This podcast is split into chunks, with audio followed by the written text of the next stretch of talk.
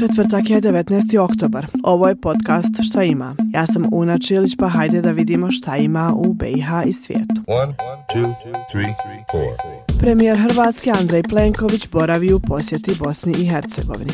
Sastaje se sa predsjedavajućem vijeća ministara BiH te sa predstavnicima oba doma državnog parlamenta. Posjetu će završiti u Fojnici i Kiseljaku gdje će učestvovati na svečanosti polaganja kamena temeljca osnovne škole Ivana Gorana Kovačića, ali i na Akademiji povodom otvorenja pastoralno-socijalnog centra Karitasa Vrhbosanske nadbiskupije.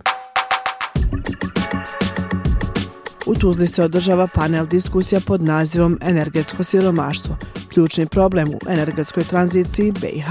Počinje u 11 sati, a bit će predstavljeni problem energetskog siromaštva kao i aktivnosti koje su pokrenute sa ciljem da se smanji energetsko siromaštvo na području Tuzlanskog kantona, kao i mogućnosti povezivanja svih nivoa vlasti u rješavanju ovog problema. A u jednom od Lejlinih zip podcasta pričali smo upravo o energetskim rješenjima. Evo što je tada rekao Ahmed, penzioner iz Sarajeva pratim ja to s energetskom krizom, sve je nepredvidivo, sve mi čekamo kao i sve poslije rata što smo čekali, čekamo neko da nam humanitarno to riješi.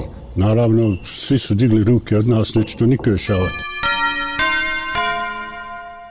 Cijeli zip možete naći pod nazivom Zima pred nama deka ćemo kupiti. Naslov još uvijek prikladan, rekla bih. Uglavnom, današnji panel organizuju Karita Švicarske i Centar za ekologiju i energetiku Tuzla. A u okviru njihovog zajedničkog projekta također planiraju da osam općina Tuzlanskog kantona razvije strategije za smanjenje energetskog siromaštva. A u Sarajevu počinja kampanja Dani medijske i informacione pismenosti u Bosni i Hercegovini. Kampanja je pokrenuta sa ciljem isticanja društvenog značaja medijske i informacione pismenosti i promocije projekata različitih aktera u ovoj oblasti. Centralni događaj u okviru kampanje je saja medijske i informacione pismenosti zakazan za 25. oktobar u Kući Evrope u Sarajevu. Saopšteno je iz Regulatorne agencije za komunikacije. U okviru kampanje bit će održana i konferencija na temu pametno korištenje medija, odgoj djece i mladih uz digitalne medije i umjetnu inteligenciju. O umjetnoj inteligenciji sam nedavno razgovarala sa Bojanom Perkovim iz Share fondacije koji kaže da se na medijskoj i tehnološkoj pismenosti treba raditi na svim nivoima. Kada ti imaš neka očekivanja od, od interneta i od takvih alata, nekako ne, nećeš lako da upadneš u zamku, ako znaš kako to prilike funkcioniše, kako može da se koristi. A kampanja u Sarajevu traje do 29. oktobra.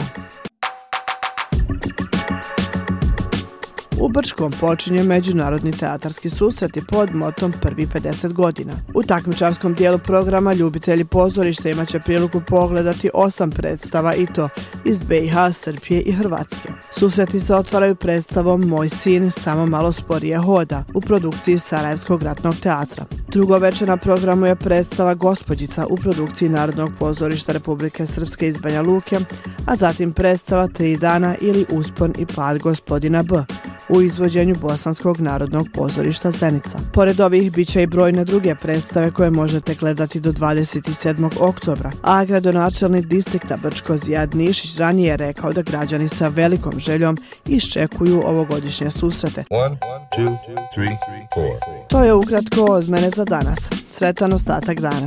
Čujemo se neki drugi put. Ćao.